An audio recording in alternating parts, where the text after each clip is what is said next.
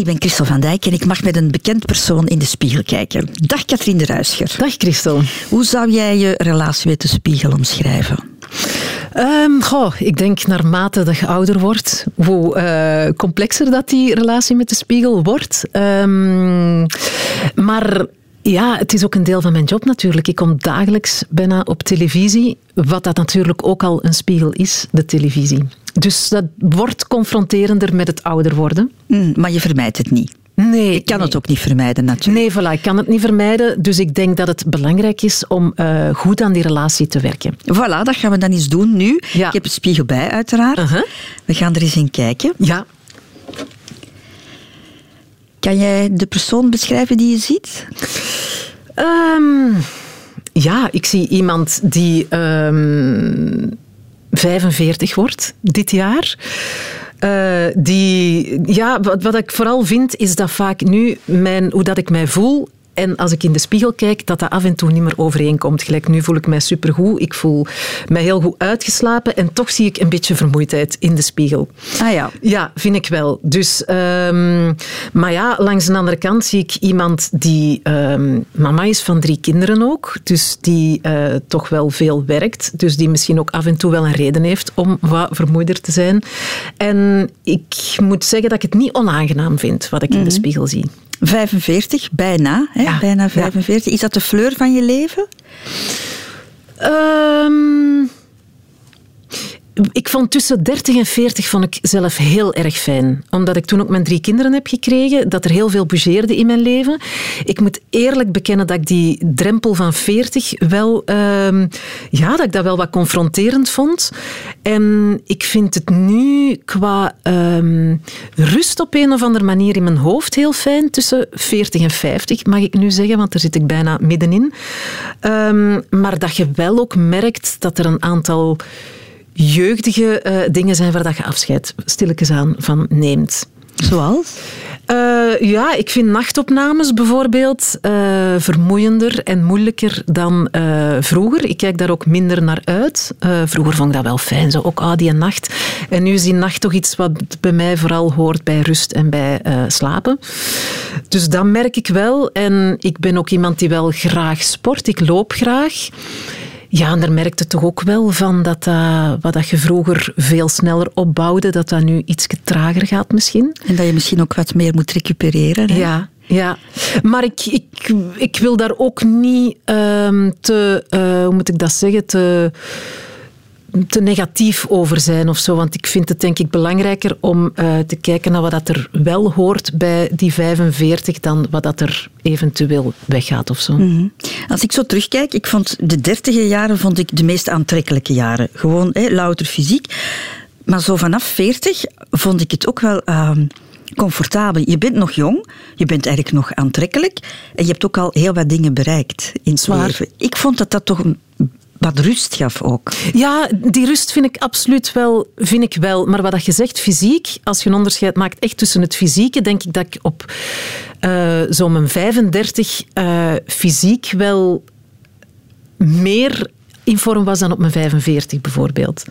Ja. Um, maar je moet ook een onderscheid maken, vind ik, tussen wat je uitstraalt en tussen wat je echt ziet. En um, dat vind ik ook wel vaak belangrijker. En dat is iets wat ik soms bij jongere mensen nu wat mis. Dat ik denk van, maar focust niet zo op dat, alleen maar dat fysieke en kijkt ook naar wat dat je, ja, wat dat je uitstraalt en wat dat je, ja, hoe dat je in het leven staat of zo. Dat vind ik dat je wel altijd mocht blijven zien. En wat vind jij dat jij uitstraalt? Um, ja, wat ik ook echt moet zeggen is, uh, ik ben zeven maanden geleden gestopt met alcohol te drinken en dat heeft bij mij fysiek, dat merk ik ook als ik nu in de spiegel kijk, dat is ook wel echt iets wat ik zie.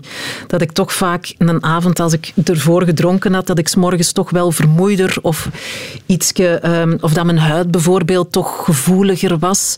En dat is iets dat veel sneller nu recupereert. Als ik eens een puistje of zo heb, dat is veel sneller weg dan Mhm. daarvoor.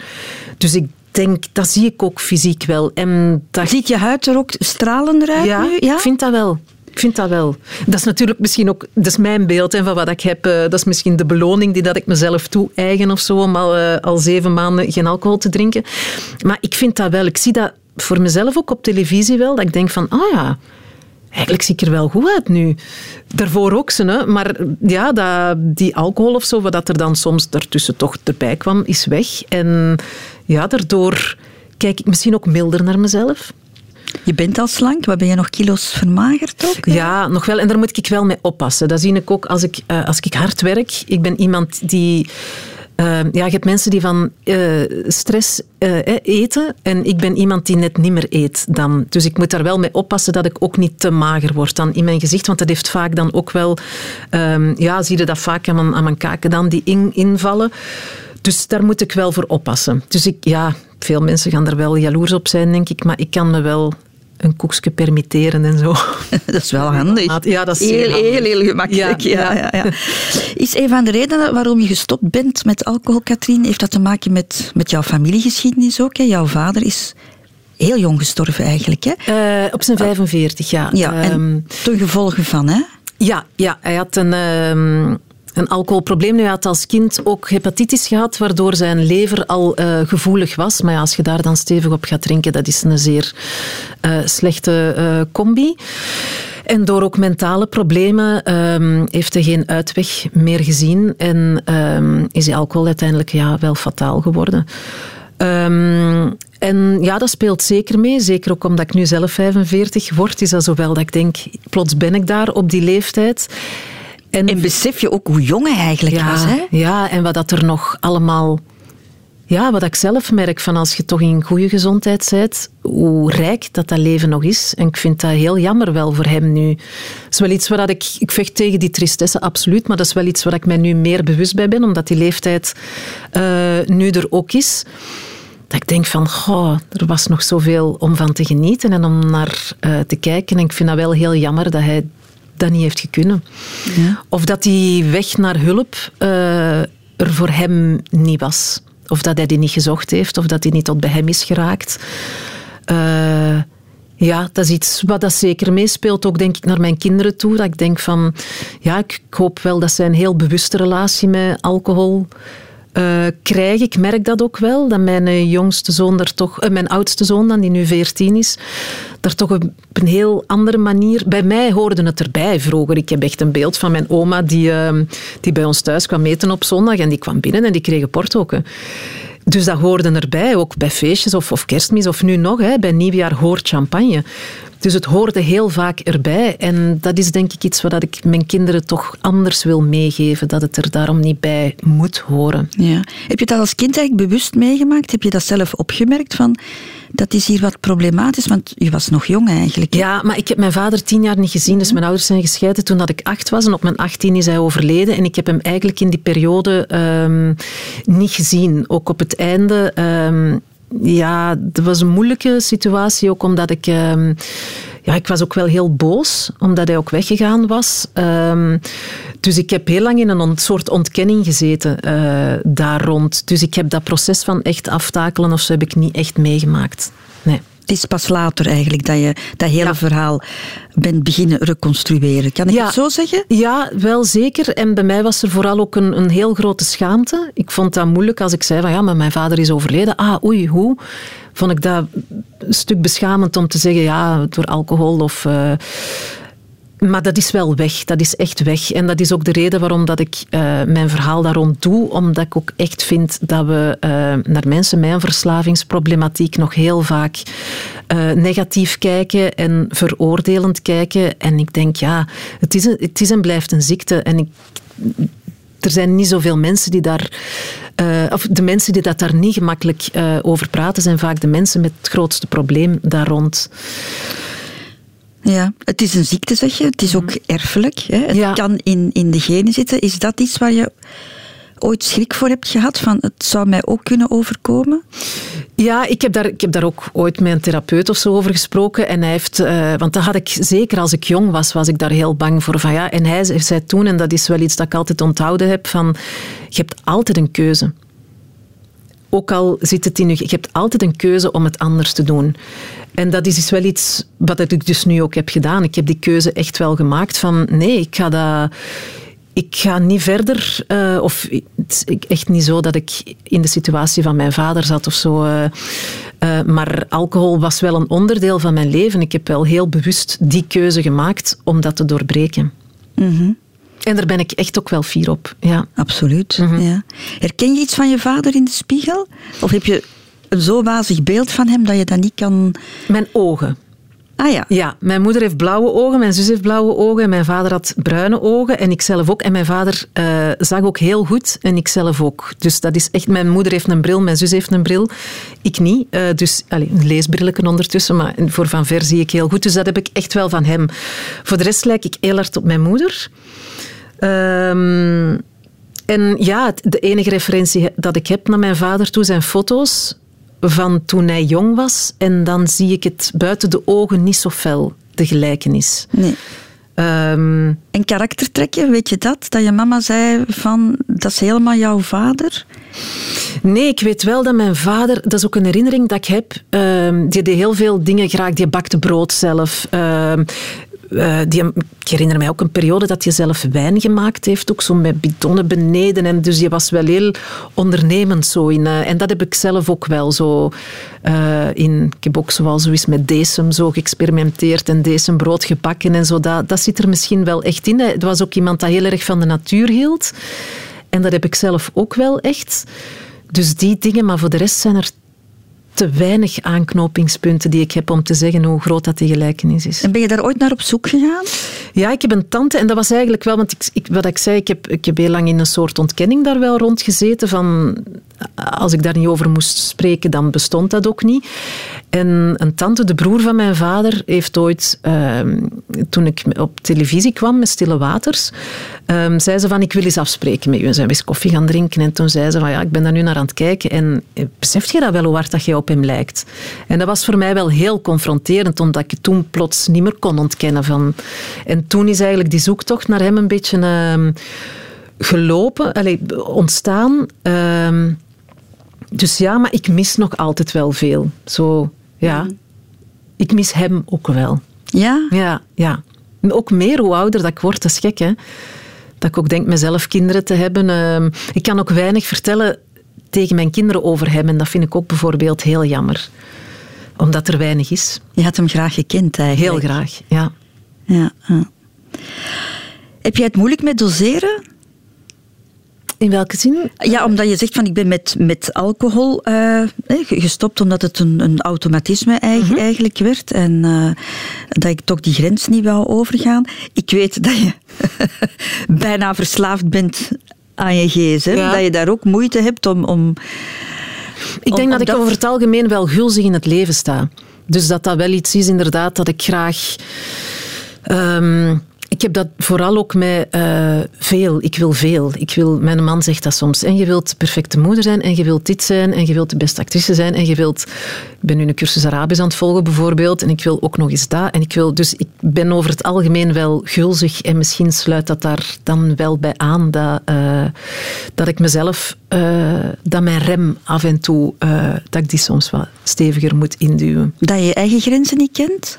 Ga je er soms over? Ja, ik denk dat wel. Ja minder met ouder te worden ook, omdat je ook bewuster wordt, omdat je ook bewuster kiest voor dingen. Dat vind ik wel heel fijn ook aan het ouder worden, dat niet alles hoeft, maar dat je veel bewuster kunt kiezen voor ik steek daar mijn energie in, ik steek daar mijn tijd in, of, of in personen. Dat het niet alles en iedereen moet zijn. Um, maar ik kan er wel over gaan, ja. Mm -hmm. En laat je soms ook over je eigen grenzen heen lopen door anderen? Mm, ja, ook wel, denk ik. Ik ben ook iemand die altijd, zeker op de werkvloer of zo, altijd wel zal als eerste zal zeggen, oh ja, maar wacht, misschien lag het aan mij, of kan ik iets doen, of kan ik... Uh... Ik ben op dat punt wel een pleaser ook, denk ik. Ja, en conflicten vermijden dan ook. Ja. Als, als, zoals ik het hoor, dan denk ik van oké, okay, we gaan hier uh, niet in discussie gaan, nee. we gaan hier geen conflict veroorzaken. Nee, ik denk ook dat dat iets is dat ik echt uit mijn jeugd ook heb... Uh, dat was voor mij altijd de oplossing, het conflict uit de weg gaan ondanks dat je wel regelmatig dan tegenkomt dat dat de oplossing dus niet is. Uh, omdat je het altijd driedubbel zo hard dan waarschijnlijk wel terug tegenkomt daarna. Uh, maar ik ben iemand die de confrontatie in eerste instantie sneller uit de, we snel uit de weg zal gaan. Maar als dat blijft knagen, dan toch wel weet van, ja, we moeten daarover praten.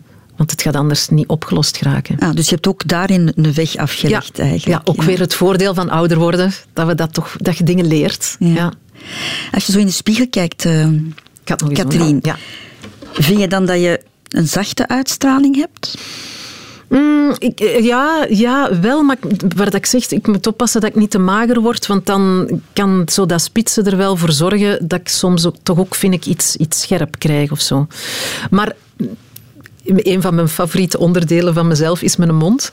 Ik heb nogal uh, uitgesproken uh, lippen en François Beukelaars, een collega van, uh, van, van in theater van vroeger, die als ik binnenkwam zei hij altijd ah, de mooiste mond van Vlaanderen. Maar je hebt wel een hele schone mond. Ja, daar ben ik mee gezegend. Dat heb ik ook van mijn moeder, langs mijn moederskant een beetje. Ik weet ook toen dat ik beviel van mijn, uh, mijn oudste zoon ja, je bevalt en dan nemen ze het kindje mee. En mijn man uh, ging kijken. En het eerste dat hij zei was, hij heeft uw mond.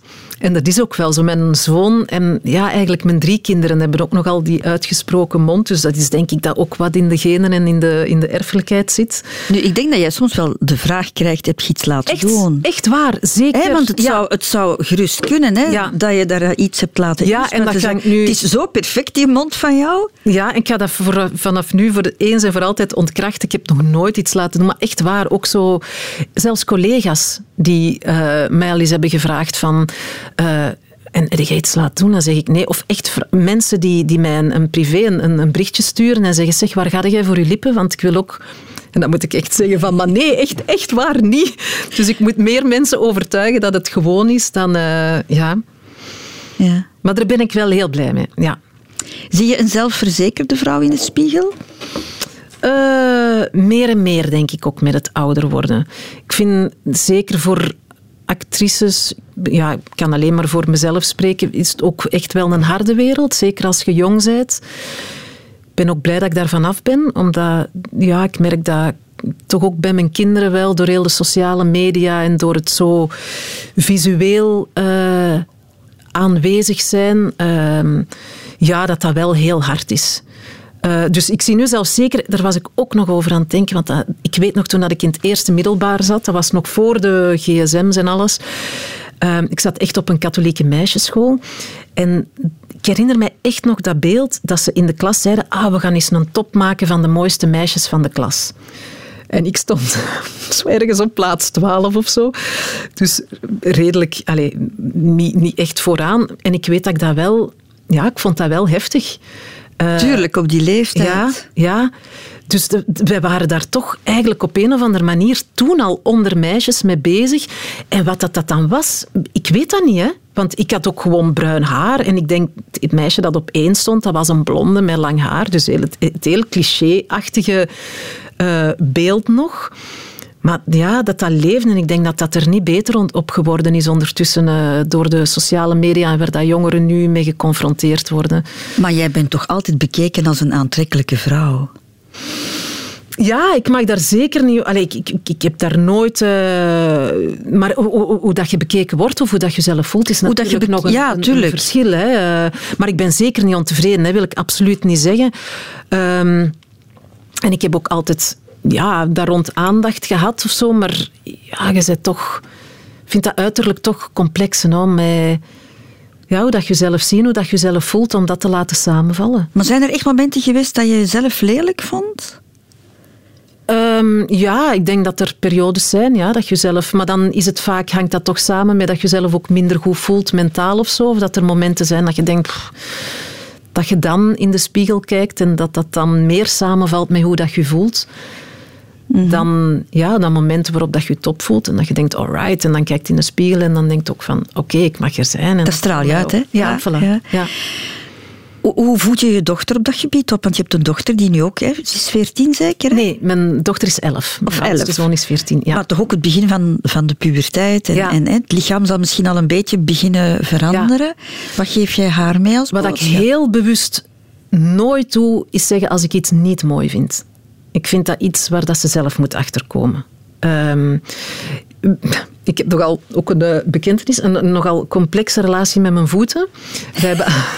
Zoals misschien velen. Uh, ja, nu is winter is heerlijk op dat punt. Hè, maar ik zal bijvoorbeeld nooit sandalen dragen. Dat draag ik echt niet. Um, ja, we hebben, dat is ook erfelijk. We hebben Cleopatra-tenen. Uh, en dat wil zeggen dat uw middelste teen langer is dan de rest van uw teen. Dat is echt dat is erfelijk. Dus dat is iets dat al generaties teruggaat. Maar ik ben echt opgevoed. Mijn moeder heeft dat dus ook. En zij had er ja, een complex over. En zij heeft dat echt een beetje meegegeven met ons ook. Van, ja, ons stenen, uh, daar moeten we het niet voor doen. Hè. dus ik ben echt altijd opgegroeid met het idee van, oh ja, die tenen, dat is niks. Mijn kinderen hebben dat dus ook, maar ik heb dat nog nooit gezegd tegen hun omdat ik denk van, als zij daar geen probleem mee hebben, dan is dat zo. Uh, dan moeten ze zoveel sandalen aandoen als dat ze willen. Um, en dat vind ik echt belangrijk. Van, ik zal nooit tegen mijn kinderen zeggen van, ja, dat heb je toch niet mee. Hè? Of dat, uh, maar dan moet je toch zorgen dat dat... niet. ik vind hoe, hoe zelfverzekerder dat zij in het leven kunnen staan, zeker de dag van vandaag, ze zullen het al genoeg horen van andere klasgenootjes of vrienden uh, of de lijstjes zoals in mijn tijd die gemaakt worden. Ik vind thuis moeten, moeten ze ja, alleen maar zelfvertrouwen meekrijgen. Maar dat je dat na al die jaren nog niet achter jou hebt kunnen laten, die tenen. dat zit daarin. Ja, Voor de rest heb je al zoveel ballast weggegooid en, dat niet. Nee, nee, want het is zelfs zo dat ik vorig, vorig jaar ook moest draaien um, in de zomer voor uh, Drie Hertz, een, reeks op Ketnet. En dat was in volle zomer en ik dacht al, oh nee, die gaan afkomen met sandalen. Hè. En het was zo en dan heb ik echt gezegd, zeg, sorry, maar ik vind dat heel erg, omdat ik weet dat als ik daar sta en ik moet spelen, ik ga alleen maar... En iemand kijkt of zo er nog maar naar, dat ik al kan denken, oh nee, ze hebben het gezien, ze hebben het gezien. Dus ik stop dat weg. Dat is weer die ontkenning, denk ik. Dan is het er niet. Zijn er zo nog dingen waarvan dat je denkt, dit had beter gekund? Of? Nee, echt mijn voeten. En ik ben daar ook echt... Oh, als ik zo vrouwen zie met zo fijne... Ik vind, kan dat ook mooi vinden. Echt een mooie sandaal. Zo met, ja, daar kan ik wel echt positief jaloers op zijn. Ja. ja. We hebben het al gehad over jouw mooie mond, uh, Katrien. Is dat het mooiste aan jouw lichaam? Um, dat is de laatste vraag die iedereen krijgt. Ah, oké. Uh, wat vind je het mooist? Ja, misschien mijn mond wel. Uh, ik vind ook de lach vind dat sowieso heel belangrijk in een gezicht. Ik vind dat dat ook veel laat... Ehm, dat je ook met een lach veel sympathie kunt uitdrukken naar iemand toe. Dus ik denk het wel. Ik ben ook blij met mijn benen. We hebben, ik heb lange benen en mijn kinderen hebben dat ook. Dat is niet altijd gemakkelijk voor uh, kledij te vinden, zeker mijn dochter. Dat is, die is smal en lang, lange benen. Dus alles is uh, qua breedte allemaal te groot, maar qua lengte dan weer te kort. Maar ik zeg ook altijd, ik zeg, dat is, daar gaat u later niet beklagen. Dus nee, mijn benen ben ik ook mhm. blij mee. En ik wil het dan toch ook nog over jouw ogen hebben. Ik zou voor jouw ogen gaan. Ja? Ja, ik vind dat je heel mooie ogen hebt. Ah ja, oké. Ja, heel warme ogen. Ah, fijn. Dank je. Ja. Het is ook wel, ik heb een, daar moet ik ook vaak wel mee oppassen. Ik heb grote ogen, grote mond, dus ik heb een heel expressief, expressief gezicht. Dus in het spelen op televisie hoor ik vaak, het mag minder omdat ik heel snel... Ik zal bijvoorbeeld ook nooit heel felle rode lippenstift aandoen. Dat doe ik niet. Want dan ben ik heel snel... Ja, heb ik voor mezelf dan het gevoel dat dat een clown is. Omdat ik zo uitgesproken lippen heb. Dus ik... En dat merk ik in spelen ook. In theater is dat niet, want daar mag het net allemaal groter zijn. Want moet op, op de achterste rij moeten ze ook uh, uw expressie kunnen zien. Maar op televisie, zeker in de close-up, ben ik mij heel vaak bewust van... Ik mag niet te veel doen. Ik moet heel klein het houden. Mm Dankjewel, Katrien. Het was, het was heel fijn om met jou in de spiegel uh, te kijken. En ik onthoud Cleopatra tegen. Ik heb nog nooit van gehoord. Zoek het nog maar nooit van gehoord. Zoek het maar op. Ik ga ze niet laten zien.